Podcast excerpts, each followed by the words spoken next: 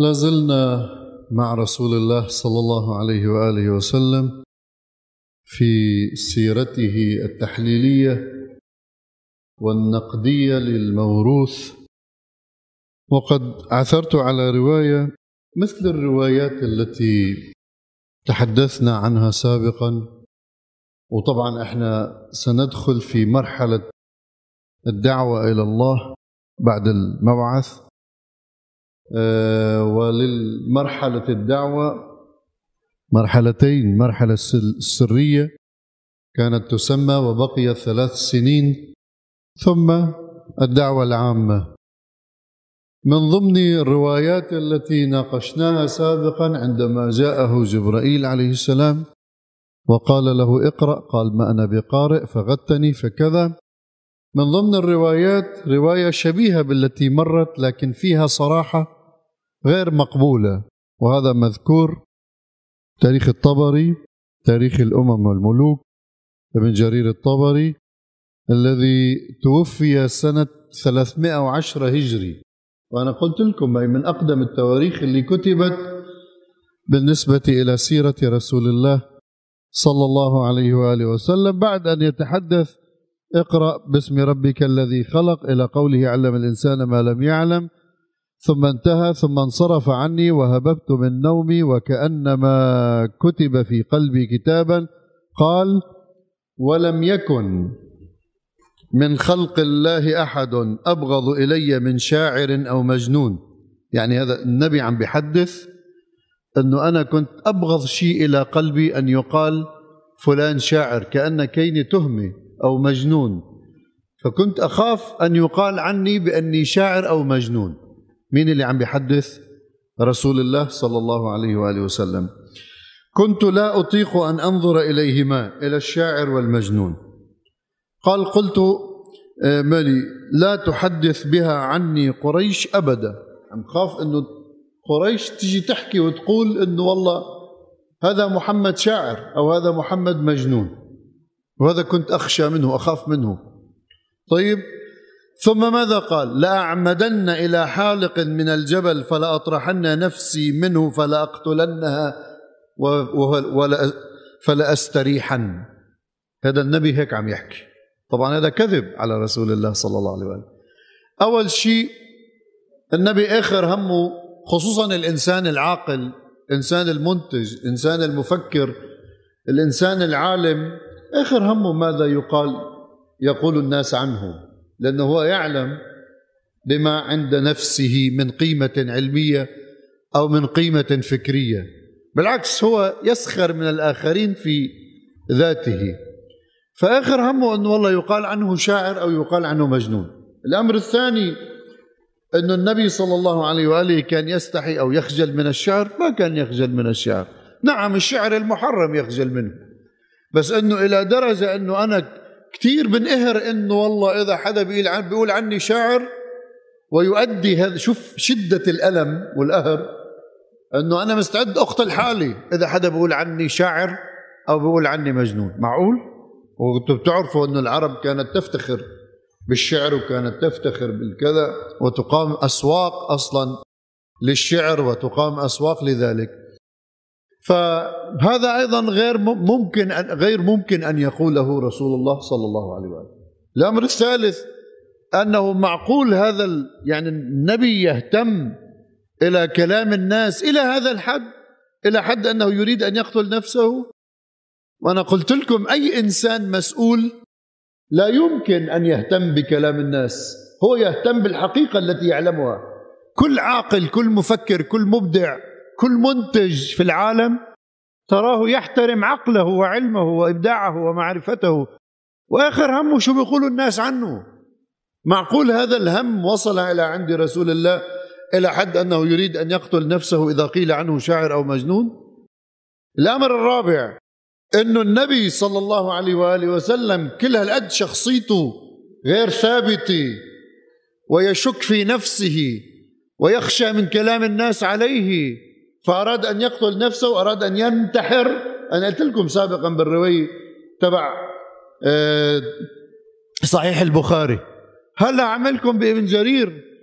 في تصريح أنه عمدت إلى حالق من جبل فأردت أن أرمي بنفسي فجاءني جبرائيل وقال يا محمد أنت رسول الله وأنا جبرائيل. اصبر شو رايح تقتل نفسك؟ اصبر. طيب لا هون عم بصرح به فلأعمدن إلى حالق من جبل فلأطرحن نفسي منه فلأقتلنها. معقول؟ معقول نبي. هو المفروض أن يأخذ من الكمالات الإنسانية ما يفوق البشر. أجمعهم. لابد حتى يصبح يمكن أن يكون قدوة للبشر لابد أن يكون أفضل البشر معقول هذا أفضل البشر؟ رايح بده ينتحر؟ لمجرد أنه شاف جبرائيل وقال له اقرأ وقال ما أنا بقارئ؟ معقول هذا؟ شوف تشويه صورة رسول الله صلى الله عليه وآله وسلم. هو اللي بينهي عن الانتحار وبينهى عن كل هالمسائل. هاي فلا أقتلنها فلا أستريحن ثم قال فخرجت أريد ذلك. في إصرار خرجت أريد أن أنتحر أريد ذلك. حتى إذا كنت في وسط من الجبل سمعت صوتا الرواية طويل ناقشناها سابقا بس حبيت. فرجيكم التاريخ. هذا تاريخ من أكثر من بعد قريب الثلاثمائة سنة بعد هجرة النبي صلى الله عليه وسلم. هذا بهالشكل يكتب عن رسول الإسلام. وهذا من أعظم العلماء. وبهالشكل يكتب تاريخ. طيب. نفس الكلام اللي ذكرته في كتب الشيعة عن رواية أن خديجة قالت له أم المؤمنين إذا أتاك جبرائيل فقل لي صاحبك فقل لي. أنا مش عارف مين بده يثبت نبوة مين. أنه النبي اللي هو بده يثبت إيمان الناس واللي موكول إليه تغيير الناس وعادات الناس ودين الناس وأخلاق الناس واللي أمر بتزكية الناس وأمر بقول الحكمة بده مين يثبت له يعرف إذا هذا والله جبرائيل والله جن اللي عم يشوفه. قالت له السيدة خديجة إذا بيجي لعندك خل شوف. هذا جن والله إنسان عادي والله ملك. إجا جبرائيل قايل لكم إياها الرواية السابقة بس من كتب الشيعة. هلا من كتب السنة. قالت له عود على اجري الفخذ الأيمن. قعد. عم تشوفوا إيه؟ انتقل للفخذ الأيسر. انتقل. عم تشوفوا إيه؟ انتقل لحجري. عم تشوفوا إيه خلعت عن حجابها؟ عم تشوفوا لا. طيب أول شيء كان في تكليف للنسوان بالحجاب؟ ما كان في تكليف بالنسوان. ومين قال لكم إنه كانت خديجة عليه السلام؟ أوه هلأ بتقوم القيامه انه محجب بهذا الحجاب الشرعي اللي هو أمر به الإسلام. إحنا بنعرف إنه الحجاب الشرعي أمر به الإسلام. وين؟ بالمدينة. ما كان بعد في تكاليف. هو اثنين الملائكة. هم عليها حجاب؟ يعني حمل الملائكة كمان ما بيجوز تشوف؟ وكيف تدخل إلى البيوت؟ هذا ناقشناها سابقا. بس نفس الرواية مع الأسف. مش رح أرجع. كرر النقاش. طيب هذا كمان مع الأسف الشديد من الروايات. ثم أول ما نزل على رسول الله من القرآن. شو؟ أول شيء اقرأ. بعدين عاد إلى بيته. وهو من ثقل الوحي. يعني يتصبب عرقا أو شعر بشيء من البرد فقال دثروني أو زملوني الايتين بتفيد بتفيد نفس المعنى. فنزل النداء يا أيها المدثر قم فأنذر وربك فكبر أو يا أيها المزمل إلى آخر الآيات. هذا أول ما نزل من القرآن كما يقولون. طيب ثم أخذت الآيات تنزل بعد ذلك على رسول الله ف يعني آيات كثيرة وقرآن متعدد ومنها مثلا ما نزل في سيرة المصطفى يقول بأنه نزل عليه بعد اقرأ وبعد بل قل تعالوا أتلوا ما حرم ربكم عليكم ألا تشركوا به شيئا وبالوالدين, وبالوالدين إحسانا ولا تقتلوا أولادكم من إملاق نحن نرزقكم وإياهم ولا تقربوا الفواحش ما ظهر منها وما بطن ولا تقتلوا النفس التي حرم الله إلا بالحق. ذلكم وصاكم به لعلكم تعقلون. ولا تقربوا مال اليتيم إلا بالتي هي أحسن حتى يبلغ أشده. وأوفوا الكيل والميزان بالقسط لا نكلف نفسا إلا وسعها. وإذا قلتم فاعدلوا ولو كان ذا قربى وبعهد الله أوفوا ذلكم وصاكم. هاي الأخلاق بعباد الله. هاي الأمور الأخلاقية والتشريعية التي تسمو بها الأنفس جاء بها رسول الله. لكن هذه ما اجت دغري بعد هذول. سني حاطينها بعد هذول دغري. بعد اقرأ بعد. على كل حال هو النقاش مش كتير مهم. بس اللي بدنا نقوله إنه كيف نزلت هذه الآيات كلها؟ والنبي صلى الله عليه وآله وسلم نزل عليه الوحي يوم الاثنين كما في بعض المرويات وصلى يوم الثلاثاء. طيب إذا صلى يوم الثلاثاء لا صلاة إلا بفاتحة الكتاب. فكيف نزلت هذه؟ اقرأ وبعدين يا أيها المدثر وبعدين وبعدين وبعدين. كل هذا القرآن وبعدين لحتى نزلت. سبع سنين رسول الله صلى الله عليه وآله وسلم يصلي هو وخديجة وأمير المؤمنين لا ثالث معهما. لأنه أول من آمن من الرجال هو أمير المؤمنين عليه السلام. فأتاه جبرائيل عليه السلام ورسول الله ينظر إليه فتوضأ جبرائيل آه، أمامه ورسول الله ينظر إليه ليريه كيف الطهور للصلاة. ثم توضأ رسول الله كما رأى جبريل عليه السلام. توضأ ثم قام جبريل عليه السلام فصلى به وصلى النبي صلى الله عليه وآله بصلاته. ثم انصرف جبريل عليه السلام فجاء رسول الله خديجة فتوضأ لها يريها كيف الطهور للصلاة وتطهرت خديجة وصلى رسول الله وخديجة عليهما السلام. طيب قلنا أول من دعا باعتبار الإمام علي عليه السلام عندما صار هناك قحط في المدينة في مكة كان عمره ثماني سنوات وعندما نزل عليه الوحي بقي معه يعني آه، آه، وبقي عنده سبع سنين وكان عمره ثمان بحسب قول الإسكافي يعني عمر الإمام علي حوالي 16 سنة. حسب الشيخ المفيد وآخرين من علماء الشيعة يقولون عشرة ما بين عشرة و13 سنة كان عمر الإمام علي حين نزول الوحي. على كل حال لسه مش كثير هالقد يعني ذا قيمة هذا البحث. بس أول من أسلم هو علي بن أبي طالب عليه السلام وكان يصلي معهما في يعني قال آه، عن جابر عن فلان عن فلان قال بعث النبي يوم الاثنين وصلى علي يوم الثلاثاء. كذلك أول من أسلم مع رسول الله زيد بن أرقم. يقول علي بن أبي طالب قال فذكرته للنخعي فأنكره. بس النخعي أنكر وقال لا لم يؤمن أول من آمن برسول الله هو أبو بكر مش الإمام علي. النخعي. لكن أكثر المؤرخين يقولون بأن الإمام علي هو أول من أسلم. على كل حال سواء أسلم أول أو آخر ما بدك إلا القد الحكاية. بس اللي معروف أن الإمام علي عليه السلام هو أول من أسلم لأن كان ملازم لرسول الله صلى الله عليه وآله وسلم حيث كان يقول أنا عبد الله وأخو رسوله وأنا الصديق الأكبر لا يقولها بعدي إلا كاذب مفتر. صليت مع رسول الله قبل الناس بسبع سنين. طيب إذا مصلي مع رسول الله ثاني يوم الوحي.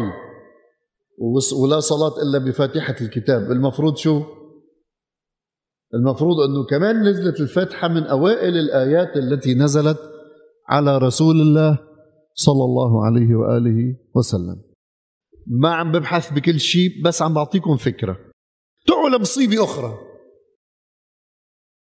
تتذكروا حادثة شق الصدر أول ما بلشنا بالدرس درس السيرة؟ أنه كان عمره أربع سنين ومع أولاد حليم السعدية وما بعرف شو وإجا ملكين شقوا له صدره وأخرجوا قلبه إلى آخره. اسمعوا حادثة شبيهة يرويها أيضا صاحبنا الطبري. عن فلان عن فلان عن فلان رواها ابن أبي هشام الواسطي عن ميمون كذا عن أنس بن مالك قال لما كان حين نبئ النبي يعني بعد نزول الوحي هذا الحكي. وكان ينام حول الكعبة. الناس بيناموا من النبي كان ينام حول الكعبة. طيب.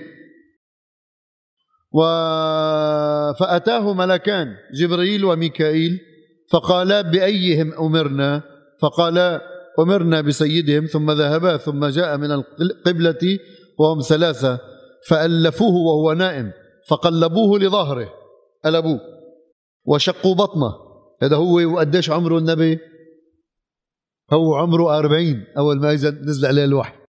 وفي قول إنه نزل الوحي عليه عمره 43 خلينا على 40 عمره 40 سنة. نايم حد الكعبة. إجوا ثلاثة أول شيء ملكين مع بعضهم بعدين ملك ثالث. قلبوا النبي على ظهره. شقوا له بطنه. كمان عملية جراحية. اسمعوا. فألفوه وهو نائم فقلبوه لظهره وشقوا بطنه ثم جاءوا بماء من زمزم عند البيت. فغسلوا ما في بطنه من شك أو شرك أو جاهلية أو ضلالة. يعني نبيكم كان في بقلب بطنه شك شرك ضلالة. مين بيقبل هالحكي؟ مين بيقبل؟ ابن تاريخ الطبري للإمام الأكبر أبي جعفر بن محمد بن جرير الطبري متولد 224 هجري 310 هجري المجلد الأول تاريخ ما قبل هجرة النبو... النب... الهجرة النبوية الشريفة إلى آخره محمد بن علي بن بيضون دار الكتب العلمية بيروت لبنان منشورات. صفحة بالي وفغسلوا ما كان في بطنه من شك أو شرك أو جاهلية أو ضلالة. الإمام علي شو بيقول؟ ولقد قرن الله به أعظم ملك من ملائكته مذ كان فطيما. هذا عنده شك وشرك وضلال. بعدين شو هني؟ هودي الشك والشرك بعقله. ليش فتحوا بطنه؟ هني بالمصارين يعني مع الأوس. مع فضلات الطعام. هني بالعقل هودي الشك والشرك والضلالة بالعقل. ولذلك النجاسة فكرية بتكون ما بتكون مادية. نحن بنقول بطهارة بني الإنسان تبعا لسيدنا الأستاذ رضوان الله عليه. النجاسة فكرية مش مادية العين. طيب. ثم جاءوا بط... طبعا قد ما بدك فيك تعلق بس مش رح أعلق كثير ثم جاءوا بطست من ذهب. طشت من ذهب. ملئ ايمانا وحكمة. فغسلوا ما كان في بطنه بل ثم جاءوا بطست من ذهب ملئ إيمانا وحكمة فملئ بطنه وجوفه إيمانا وحكمة. أنا مش عارف حدا بيشوف. يعني الحكمة بتنشاف. هيك بتكون بطشط محطوطة الحكمة إنه أنتم عمين عم تتمسخروا على نبيكم عم تتمسخروا على رسولكم. لك أنا قلت كلمة قلت كلمة وتبين وضحكت من جهل المسلمين. وخصوصا الشيعة اللي قاموا لي وكفروني وقت اللي قلت إنه النبي مش عارف حاله بعد شوي رايح على الجنة إلا من خلال الوحي أطشوا من خلال الوحي. هو عم يقول قل لا أدري ما أفعل بي ولا بكم. ما كنت دافع عن نبيكم تعوا نظفوا كتبكم مين بيسترجي منكم يجي يحكي على تاريخ الطبري؟ أو يحكي قدام من يجل ويقدس. أو يحكي على البخاري أو يحكي على مسلم أو يحكي على حتى على كتبنا الشيعية المليئة بالأكاذيب مثل مثل حديث الرضاعة اللي موجود بأصول الكافي للكليني. والله ما أدري شو بده يحكي الإنسان. أنه واحد حكي له كلمة. يا أخي افرضوا غلط. فرضوا مع إني ما غلطت. فرضوا غلط. بعدهم لهلا كامشين التكفير بدك مين يشيله من عقول الناس؟ أما هذا بيجي النبي عمره 40 سنة بيشقوا له بطنه بيشيلوا الشرك بيشيلوا الضلال بيشيلوا ما بعرف شو وبيجيبوا طشت ملان ذهب من ذهب في ملان حكمة وإيمان وبحطوا له إياه بقلبه. قال شو فضل رسول الله؟ إذا رسول الله صلى الله عليه وآله وسلم شلنا له كل هو وحاشاه وحطينا له هو شو فضله؟ شو فضله؟ مش برصة. إحنا العصمة رح نحكي عن العصمة. إحنا عصمة النبي لا نقبل إلا أن تكون في ماذا؟ أنا رأيي عم بحكي هلا مش عم بحكي رأي العلماء. لا أقبل إلا أن تكون في التبليغ حتى لا يبلغ عن الله عن الله خطأ لأن العقل يفرض. إذا كان يحتمل الخطأ في قوله وفي فعله فلربما احتمل أن يبلغ عن الله خطأ وهذا ممنوع عقلا. ونقلا الله يقول وما ينطق عن الهوى إن هو إلا وحي يوحى. فالعصمة فقط بالتبليغ وإلا هو قادر على أن يفعل المعصية لكنه لا يفعل. لكنه لا يفعل. ولذلك قال لأم سلمة ومن يؤمنون؟ راح يحكي عن العصمة بعدين. طيب إذا إحنا مش قبلانين ليش مش قبلانين؟ لحتى نعطيه تلك القيمة الكبرى. لأنه أنت عندما بتعمل معصوم في كل شيء ومجبر على العصمة بعد شو فضله؟ الله خلقه هيك غير قادر على أن يفعل الذنب. كيف بده ياخذ ثواب؟ ليش بده ياخذ ثواب؟ رح احكي عنها تفصيلا بعدين ما حدا يحاكمني على النتفه طيب إذا شالوا له كلها وحطوا له مطرحهم. طيب فملئ بطنه وجوفه ايمانا وحكمة ثم عرج به إلى السماء الدنيا. إحنا بنعرف المعراج كان سنة ستة أو سبعة وين؟ ما كان بأول ال... بأول البعث. ثم جاءوا بذبلي فاستفتح جبرائيل فقالوا من هذا؟ قال محمد من معك؟ قال محمد. قالوا وقد بعث. قال نعم. قال مرحبا فدعوا له في دعائهم. صار الملائكة يدعوا له. فلما دخل فإذا هو برجل جسيم وسيم من هذا؟ جبرائيل. فقال هذا أبوك آدم.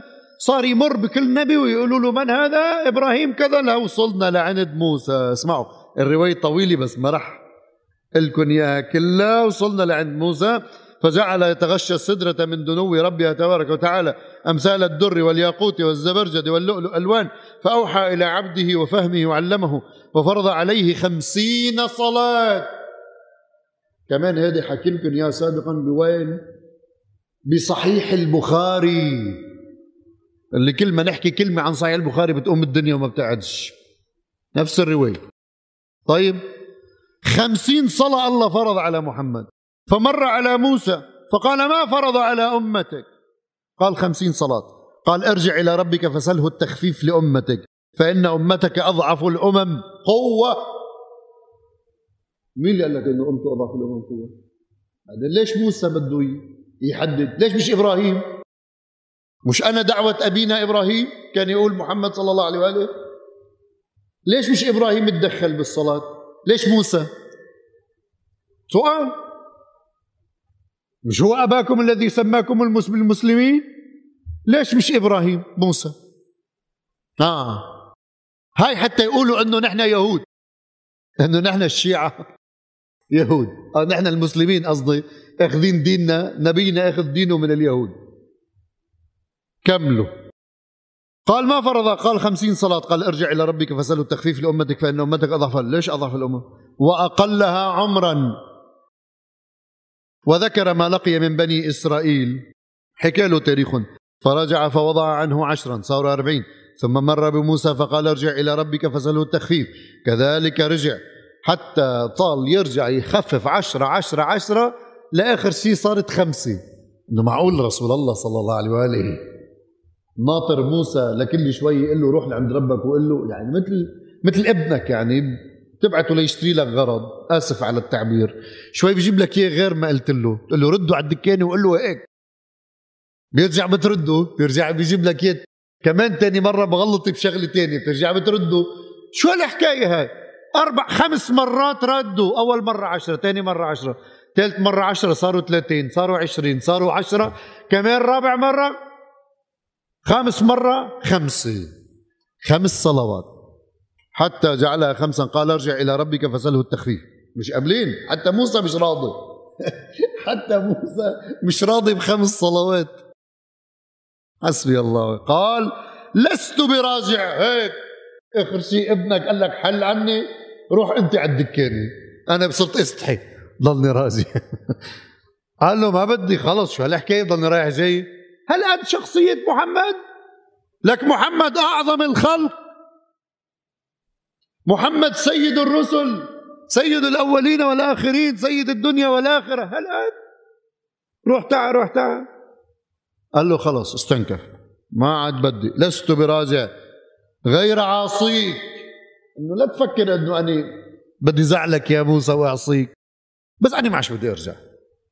حسبي الله ونعم الوكيل. وقذف في قلبه ألا وقذف في قلبه ألا يرجع. ولكن رجع. إنا لله وإنا إليه راجعون. والله ماني عارف بضحك ولا ببكي. مانيش عارف بضحك ولا ببكي. ولك شو عملوا علماء المسلمين 1400 سنة؟ أنا مش قادر. تاريخيا أنتم دعوا نظفوا الكتب. علماء ضخمين. ولذلك ولذلك أكرر. أنا بشوف في بعض العلماء ما خصهم بالعلم.